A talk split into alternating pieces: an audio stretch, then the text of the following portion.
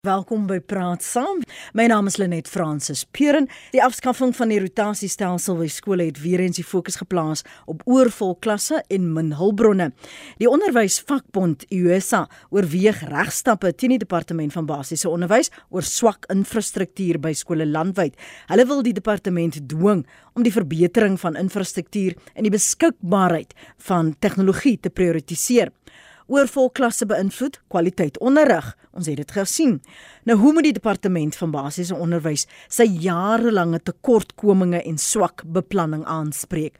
Ons gaste vanoggend is Marisa Lombard. Sy's 'n dosent in geesteswetenskap in die fakulteit opvoedkunde by die Universiteit van Pretoria. Môre Marisa, welkom. Môre net baie lekker om hier te wees. Dankie ook aan uh, Basil Manuel vir sy beskikbaarheid vanoggend. Hy is uitvoerende direkteur van die onderwysvakbond Naptosa. Môre Basil.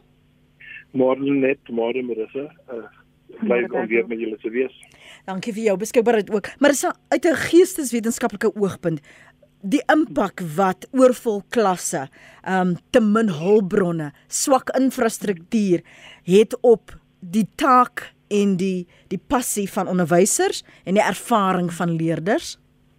Hmm. Wel, net nie verseker dat daar's 'n enorme impak. Ehm um, nee, natuurlik die voorhand voor die hand liggende dinge wat mense aan kan dink is is byvoorbeeld gedragsprobleme wat voor in dag kom want dit is baie moeilik vir 'n onderwyser om 'n klas van 40 plus kinders of meer te hanteer. Ehm um, natuurlik ook dit sit verskriklik baie stres. Kom ons begin by die onderwyser, die impak op die onderwyser.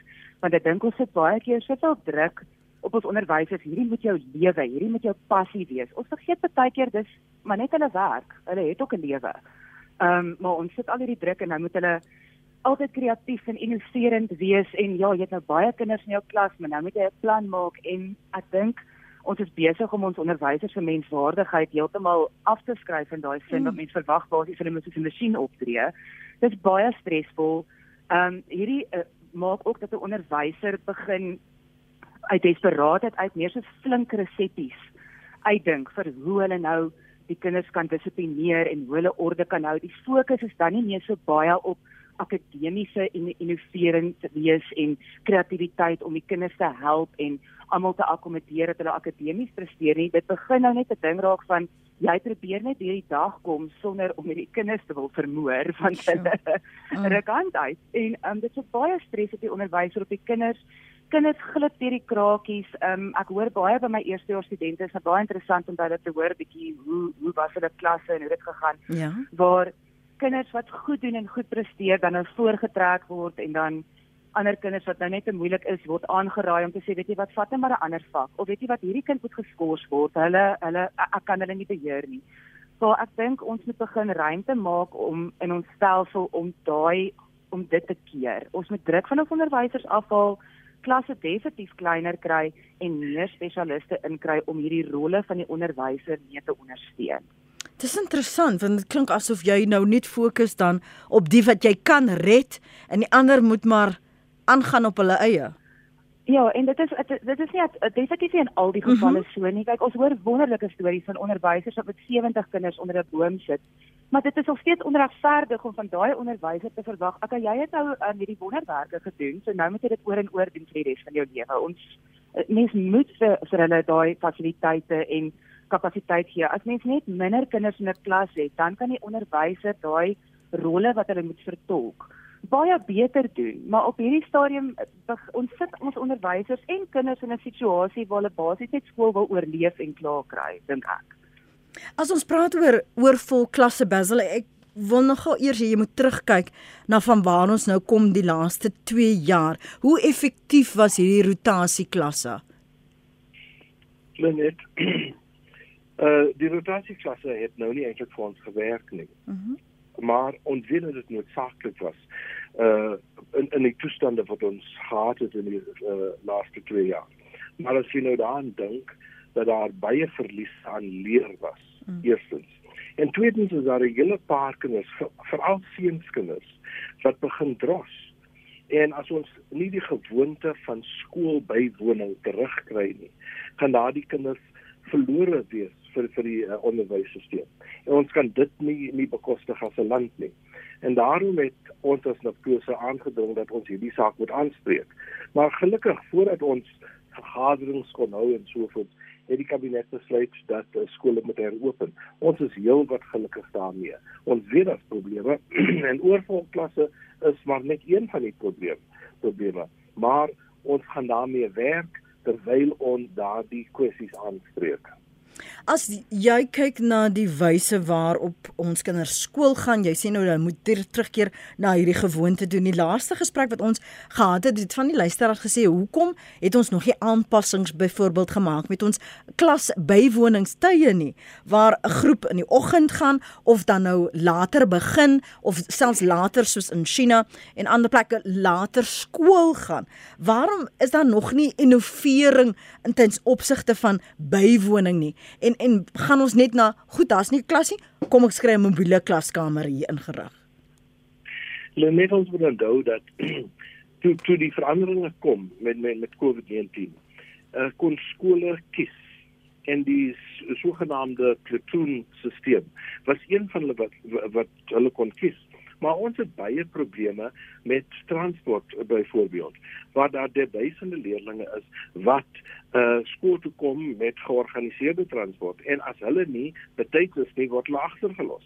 En as jy nou 'n tweede groep in die uh, laat uh, middag het uh skep dit veel meer pro probleme. Maar daar is skole wat dit wel gedoen het veral die skole waar die die kinders van die van die gemeenskap om die skool kom was dit veel makliker. Maar daar is dinge gedoen. Mhm. Maar Lenet, dit het ook nie gewerk nie. Dit het ook uh tyd verminder wat jy kon bestee op 'n vak. En dit het tot dieselfde ding uitgekom as die kind wat 2 of 3 dae op skool was per week. Wat het die departement van basiese onderwys die afgelope paar jaar gedoen? Want is nie asof die oorvol klasse en die swak in die min hulpbronne en die swak infrastruktuur en as is genoeg toilette nie as daar 'n dak oor 'n kind se kop is. Hoe wat het hulle die hele tyd gedoen? Wat is in plek? Hulle het ten minste gedoen. Laat ons daar begin. Ons het daar klaar vir die minister gesê uh, in verlede week uh, weer gesê ten minste gedoen. Te veel geld word teruggestuur na die tesourier toe. Uh hoe kan dit gebeur in in 'n land waar ons nie genoeg geld het vir infrastruktuur infrastruktuur en die infrastruktuur geld word nie reg bestee nie. Maar daar is positiewe dinge. In die, in Gauteng byvoorbeeld waar hulle groot probleme het met immigrering van van kinders en en uh, natuurlik families. Het uh die LER daar geld aan skole wat dit kon behartig gegee om blokke aan te bou want uh die die die mense is baie ongelukkig met hierdie uh uh, uh tydelike klasse wat opgerig word en dan word daai tydelike klas 'n uh, voltydse klas yeah, uh, dit yeah. Bly daar 20 30 jaar of meer. En uh baie skole uh, as ek nou my getalle reg het 63 skole het nou vol bokke gebou omdat hulle dit kon doen veel goedkoper as wat die die departement dit kon doen. En daar is skole aangebou, maar baie geld is weggeneem van hierdie uh uh, uh infrastruktuur en en so voort om te bestee op COVID-19 en daaroor is ons baie ongelukkig want hierdie probleem het natuurlik lank voor COVID bestaan en baie baie minder gedoen. Nou ons stem saam met die minister dat sy nou vir ons beloof het dat sy die kabinet toe gaan en na na die tesourier uh, uh, toe gaan uh mhm. -huh. om te sien dat uh, in skole infrastruktuur 'n spesiale projek word waar die geld net daarop bestee kan word en dat dit hierdie jaar moet begin. En sy gaan nou terug na ons keer uh, volgende week Saterdag waar ons weer daaroor gaan praat. Toe het gevra en ons ondersteun deur die ander onderwysers uh, unies dat ons 'n plan wil sien sodat die almal kan sien wat die plan is vir die volgende 10 jaar. Wanneer gaan my skool gebou word? Wanneer gaan my skool reggebaan word? Dit wil ons sien. En dit kan nie net so gebeur soos dit nou uh, tans gebeur dat uh, jy, jy jy maar bid en, en hoop dat iemand daar sal opdaag om dit te doen. Is er is 'n mens wat sê daar word mos nie nuwe skole gebou nie. word daar nuwe skole gebou waar uh, word ek benewens nou die uitbreiding van hierdie blokke wat jy nou sopas na verwys het Basil waar word daar nuwe skole gebou? In watter provinsies? Daar's jou wat nuwe skole wat gebou is maar maar, maar dit is nie goed genoeg nie. Kyk uh Gauteng het aangebou, Weskaap het aangebou, KwaZulu-Natal en die Oos-Kaap is is is vier provinsies wat uitstaan wat wel skole gebou is. Maar sommige van hierdie skole vervang uh skole wat nou al klaar daar is. Hulle is nie eintlik nuwe skole nie. Dis om om ou infrastruktuur uh, yeah. uh, te sloop en en en nuwe daar te sit. Maar daardie uh bou van nuwe skole is ook nie heeltemal op die regte plek nie. Ons byvoorbeeld sê ons kan nie uh die sogenaamde state of the art schools uh bou. Ons moet goeie skole bou en meer skole bou dan dubbel die die die hoeveelheid geld spandeer op een skool omdat jy mos nou wil wil breek met 'n skool wat nou uh buitenstandig is. Nee, ons kan dit nie uh, doen nie. Ons moet sien dat daar 'n skool is wat die mensewaardigheid van ons kinders aanspreek. Hierdie tweede deel van die SMS sê Marisa, hulle was ehm um, daar word mos nie nuwe skole gebou nie. Die geld wat daarvoor bedoel is word vir iets anders gebruik.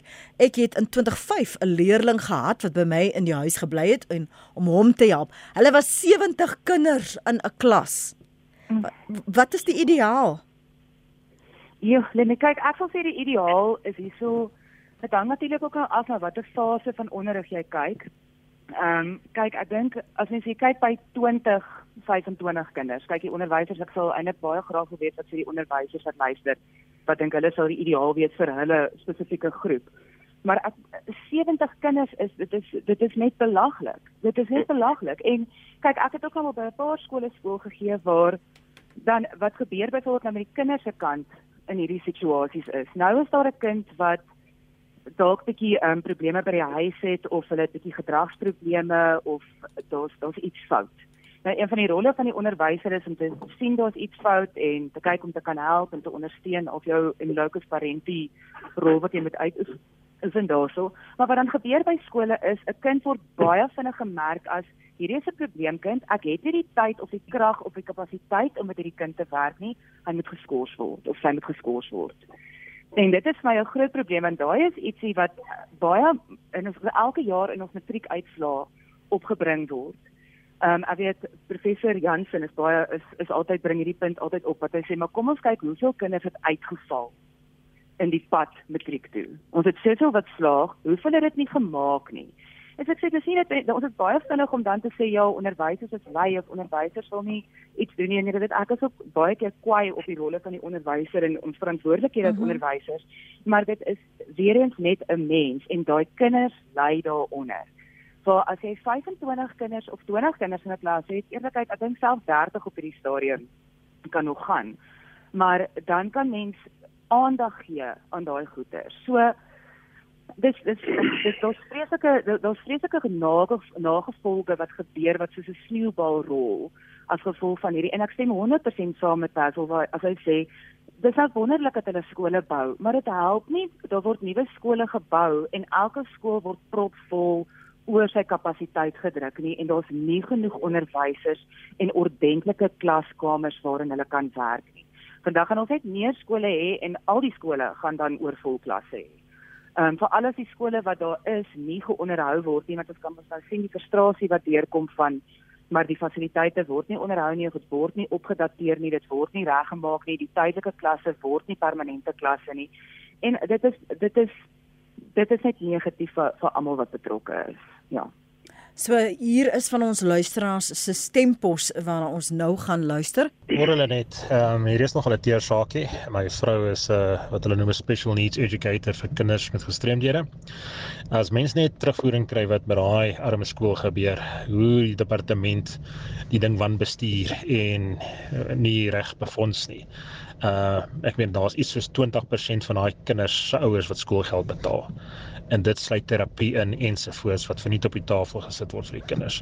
So die van die ouers ontduik ook hulle verantwoordelikhede in groot mate en maak dit ander mense se probleme. So die om die uh, ek kan nie term dink nie, maar the lack of resources uh benadeel ook baie vir die kinders. Die onderwysers koop baie van die ehm um, skryfbehoeftes op self aan net om die ding in die gang te hou die dakke val uitmekaar uit ensovoorts.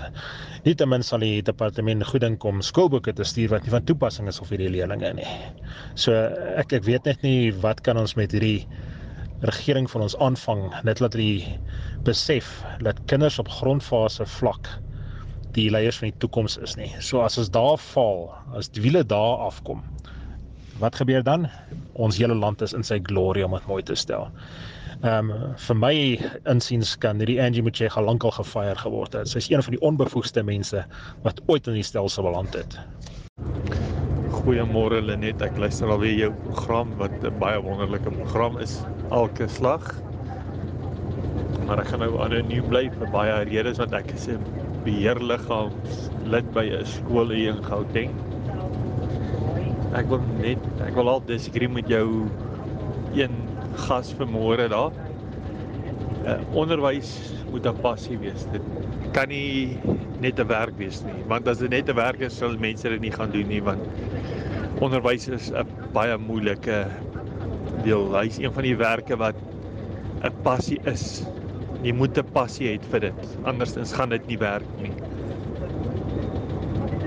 Ja, en dit is baie moeilik om te sê ja, hulle moet dit en dit doen. Dis dis baie makliker om te sê aan die buitekant hulle moet dit en dit doen, maar as 'n mens gaan kyk na die befondsing en goederes in skole, dan is dit baie moeilik om nog skole en goederes te bou vir kinders om nog plekke te hê om die klasse kleiner te maak.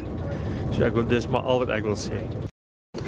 Goeiemôre Lenet en uh, middag gassprekers daar. As weer eens ken dit Arendal van die strand. Um ek wil graag uh my mening gee rondom wat die dame nou daar gesê het oor uh die uh, aantal leerders in die klasse van minders. Een van die groot probleme is daar's nie genoeg skole in die in die in die um Weskaap omgewing nie in besonder in die strand dink ek is daar 'n groot behoefte om meer dat meer skole gebou gebou moet word. En selfs colleges nader in die strandarea wat uh buite bereik is vir baie van ons mense wat so ver as Grabouw, Caledon uh moet kom.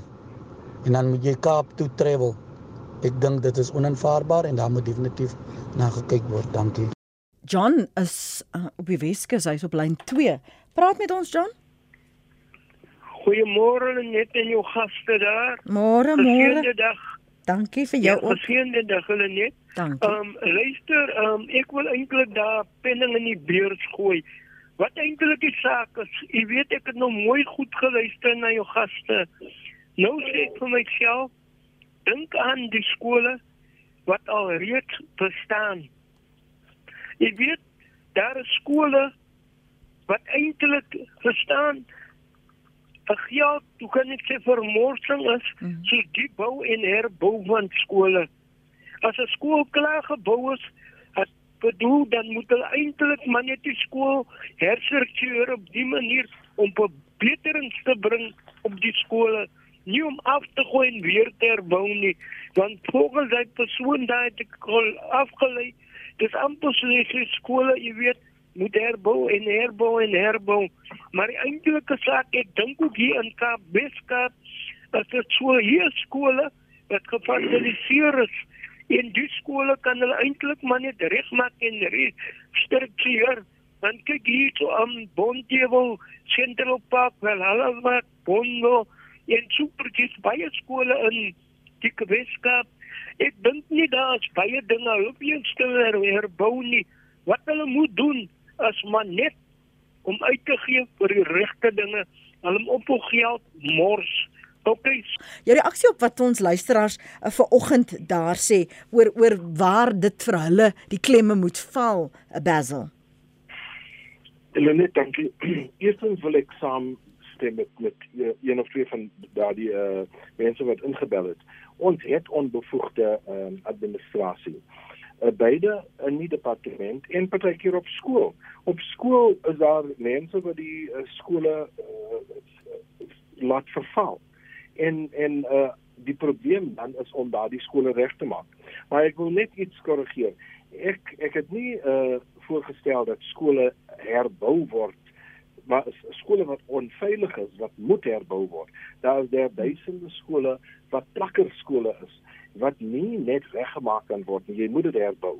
Maar uh die opgradering van skole moet gepaard gaan met die herbou of die bou van nuwe skole.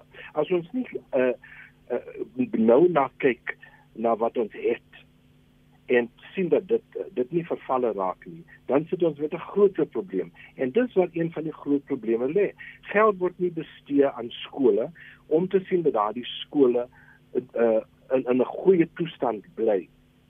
Maar ek wil gou ook praat van 'n ideale klasgrootte. Ja. Uh wat wat Melissa aangespreek het. Uh ons het al ons sê maar altyd 32 is die getal leerlinge wat ons in 'n klas wil sien. Ons weet dat dit nie gebeur nie en dat dit meer na 40 se kant toe is. Maar daar is daar duisende klasse wat tot op 70 en 80 leerlinge het. Kyk wat het nou in in Gauteng gebeur. Toe ons hierdie deeltydse bywoning gehad het en met die druk op die uh op die provinsie om meer kinders uh in in skole te sit omdat daar nou nie genoeg uh, skole is nie, was skole uh gedwing om ekstra kinders in te neem. Nou bring jy al daardie kinders saam. Nou is die skool so oorvol. Jy kon dit nie sien toe net 50% van die leerders bywoon. Nou is daar nou 'n ander probleem van van baie baie oorvol skole.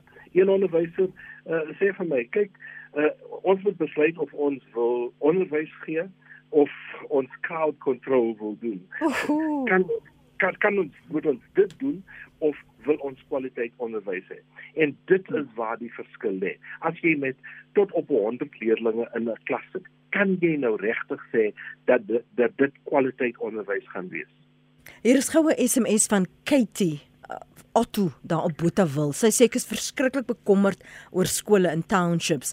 Baie kinders gaan in haglike omstandighede in daardie skole skool, veral op die platteland. Ons het gehalte onderrig vir almal nodig. Kan of wil die besluitmakers dit nie insien nie? Kry hulle nie skaam vir die uiters swak onderwys wat der duisende kinders ontvang nie? Dis 'n godskreiende skande, skryf Katie daarson. En in 1958 sê Marie, as ek hoërskool in Pretoria na 'n nuwe gebou wat die vorige jaar in gebruik geneem is. Ons het daardie eerste jaar reeds tydelike klaskamers gebruik. 10 jaar gelede met ons 50 jaar reunie was daai prefab steeds daar. Oh, so lank. Marie onthou dit nog steeds. Marisa.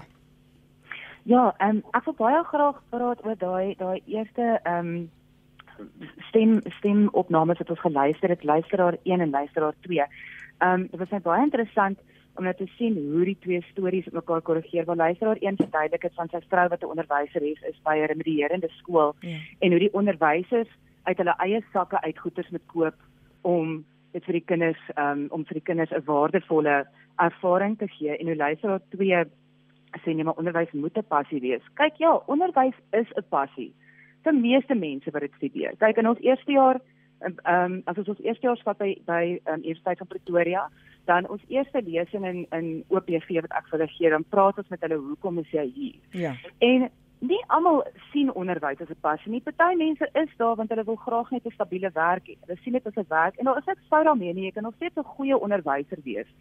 Maar en kyk dit is ideaal as jy 'n passie het. My probleem met dit is, ek dink ons as 'n samelewing en skole is besig om daai passie te misbruik. Want hoekom is onderwysers uit hulle eie sakke uit met hulle klein salaris goeder koop vir die kinders om dit waardevol te maak. Hulle doen dit omdat hulle 'n passie het. Ja. Maar dan is dit asof dit 'n verwagting begin raak. Jy moet nou van 6:00 die oggend tot 6:00 die aand by die skool wees, stuur buitemuursaktiwiteite doen, uit jou eie sak uit help betaal. Dan is die juffrou dusnis sy sy verloor dit eendag en en klap 'n kind of skree want sy kan net nie meer nie en as almal sê maar wat fout met jou. Jy jy's nou onprofessioneel. Want waar is jou passie? Maar ons vat daai passie wat ons jong onderwysers het en ons versmoor dit met 'n stelsel wat hulle oorlaai. En ons as 'n samelewing verwag hulle moet dit kan doen. Daar word altyd die voorbeeld gegooi van maar hierdie vrou sit in hierdie skool onder 'n boom met 70 kinders. Soos ek sê, maar dit is onregverdig om te verwag die vrou wat dit reg kry, moet dit elke liewe jaar doen sonder hulp, sonder bronne. Sy gaan ook uitbrand, sy gaan dit ook nie vir ewig kan doen nie. En almal is nie dieselfde nie. So my punt daaroor is net onderwysers is mense, hulle brand uit. Ons kan hulle nie langer as ek sê ek sien saam met Basil en ek is so bly hulle is besig met hierdie inisiatief. Mens kan dit nie langer toelaat nie. Mense gaan dit nie maak nie. Dit is nie gesond nie mm. op alle vlakke vir die kinders en die onderwysers. In die Ooskaap skryf Ria Ek sien nou nie die alle ander besonderhede nie. Ek wil ook hierdie kind uh die seun moet uh by die skool hoor jou ma het 'n SMS gestuur na praat saam nie. Nou wel, sy ma skryf my seun doen nou sy proefjaar by Hoërskool Malo in Kraddock en het ek het vir hom gesê jy doen maal 4 dinge. Dissipline is eerste, tweedens jy werk met 'n ouer se kosbaarste besitting. Derdens, jy sien altyd alle kante van enige insident en neem die regte besluit wanneer 'n probleem uitgesorteer word. En vierdens, wanneer jy by 'n skool begin, never smile before Easter. Dis grappiger by sê sy, maar jy moet respek verdien. Dis sy sê charity jy moet respek verdien. Charity starts at home uh dis nie die onderwyser se plig om jou kinders op te voed nie. Dis die ouers se werk. En van baie probleme in skole is die ouers net so skuldig. Raak betrokke by jou kind se skoolwerk. Kyk na sy of haar huiswerk. Kom agter is daar 'n probleem is om te gaan hulp vra by die betrokke onderwyser as dit nodig sou wees. So dit is uh, van van die menings daar. Ek wil hê ons moet praat oor die prioriteite. Jy het nog wel gesê julle ehm um, die minister van basiese onderwys gaan terugkeer en met julle praat dat hulle hierdie spesiale uh, projek dan nou moet maak wat dan net gefokus word op infrastruktuur. Maar maar wat van daardie kinders wat vir jare al nie 'n skool ken nie, nie weet wat dit is om 'n dak op jou hoof te hê nie wat wat letterlik in moddergebouetjies gehuggies deesdae sit om om iets te kry van wat 'n onderwyser kan bied. Wat van daardie kinders Basil? Net ja, dis een van ons, ons groot probleme wat nou uh die die departement en seker uh, onderwys uh deur die jare uh gepla. Maar baie minder daaraan gedoen. Dit kan nou ge, uh, aangedui word dat meer as 50% van daardie motorskole nou vervang is. Jy sal onthou dat so 10 jaar gelede ehm um, is die norme en standaarde vir skoolinfrastruktuur gepubliseer omdat die departement gedwing is om te sê wat is dit wat 'n 'n 'n goeie skool moet hê? Wat is die minimum vereistes? En baie van die skole uh kan nie daarteen staan nie want hulle voldoen nie aan die minimum vereistes nie. En dit is wat ons wil sien. Ons wil sien dat elke kind in 'n skool 'n skool bywoon wat aan die minimum vereistes voldoen. Ons kan nie verder gaan waar daar nog kinders is wat wat nie toilette het nie. Kinders wat uh en nou die ander dag was daar uh prentjies in die koerant, foto's in die koerant van kinders wat 'n uh, heup diep in die rivier is om die rivier oor te steek om by die skool uit te kom want uh, in 30 jaar is daar nie 'n brug gebou omdat uh, alhoewel dit nou uh, beloof is. En daarin net is, is die grootste probleem. Daar gaan baie hieroor beklei word. En ons het nou al baie baie beklei daaroor. En baie is wel weggekry maar dis nog te min en dis te stadig Luisteraar se SMS lees sommige skole hou fondsinsamelings om selfs onderwysers en doen klasse aanbou met hierdie geld. 'n Ander een sê ons kleinkind is Engelssprekend in in 'n dual klas waar beide tale gebruik word in een periode. Hoe is dit moontlik met die oorvol klasse? Die leerders word ontneem van hulle 30 minute periode. Is dit nou die pad vorentoe vir ons leerders wie dan Engelssprekend is? Dis 'n bekommerde ouma se SMS daarin. Praat saam waar jou mening tel. Môre luisteraars, môre net. Ja, wel, ehm um, ek moet sê ek kry die onderwysers van vandag ook maar baie jammer oor vol klasse, flippend stout kinders want hulle wag nie meer gedissiplineer word nie. My verloofde se dogter, my verloofde se een seun, my eie twee dogters was onderwysers en ek sal vir julle sê ek haal my hoed af vir die onderwysers van vandag want party van daai so jonk soos graad 3, 4, 5 kinders is bitter ongeskik. Daai kinders het geen maniere nie. Jy kan ook nie verwag die staat moet aanhou GGG en die stoutgatte breek alles en verniel alles sover as wat hulle gaan nie.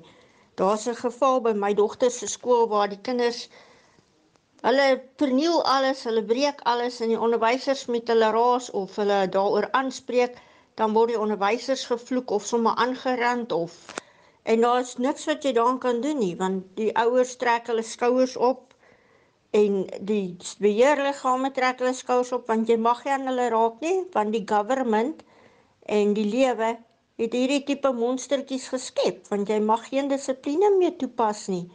So ek haal my hoed op hierdie stadium af vir onderwysers. 2 3 twee van my kinders het besluit, my dogter en dan my my verloofde se seun het besluit hulle gaan uit die onderwys uit. Hulle kan nie meer nie. Hulle kan dit net nie meer hanteer om onder daai omstandighede te werk nie. Goeiemôre. Um, ek het in huis groot geraak waar my ma onderwyseres was. Sy's afgetree my vrou is heidaglik onderwyseres sy gee graad 2 is. Nou ons het 28 kinders in haar klas. Dit is nog beheerbaar.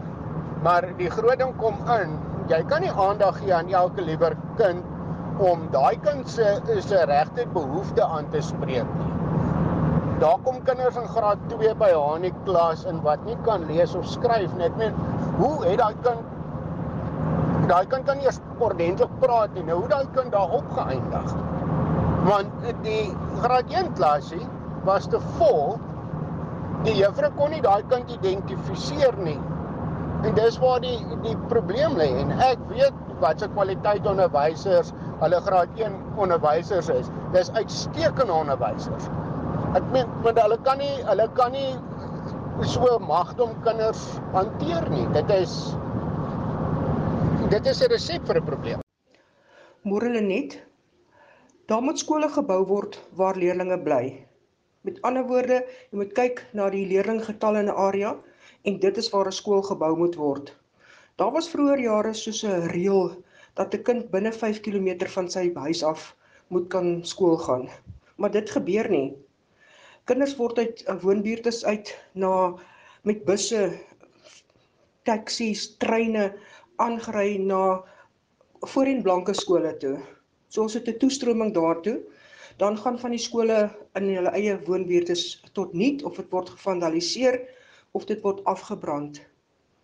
En dis 'n groot probleem want nou moet daar geld spandeer word om 'n nuwe skool te bou omdat die ou skool afgebrand is. Daar moet definitief weer gekyk word na waar kinders bly en waar skole benodig word. Dankie. Dis 'n SMS van Pieter wat sê die gaste mis 'n belangrike punt onbevoegdheid in hoofletters. Nou moet skole reggemaak en herbou word en is reg, maar waar is die skoolhoof en die bestuur wat moes toesien, toesien, ekskuus, dat die fasiliteite wat daar was in stand gehou word? Het hulle hulle py gekry? Vra Pieter. So ten uh, opsomming en en ander punte wat ons luisteraars uh, in daardie tweede sarsie van die eh, stemposse belig het Marissa, waar waarop wil jy reageer en en moet ons fokus? So, ek dink waar ek wil begin is met ehm um, ek dink dit was Ria wat so wat so 'n lekker mooi boodskap by die grappie ook gestuur het. Mm. waar ehm um, sy gepraat het van ouers en betrokke raak of kan nie net dit op die onderwysers sit nie. Weereens en al baie van die probleme wat die luisteraars nou genoem het, dit hang af wat die voedingsarea van die skool is. Hoe lyk die voedingsarea? Baie keer dink mense skool is wonderlik en fantasties en alles, maar eintlik was die skool net in 'n baie goeie voedingsarea waar die ouers die emosionele en finansiële en fisiese kapasiteit het om te help om na die skool te kyk.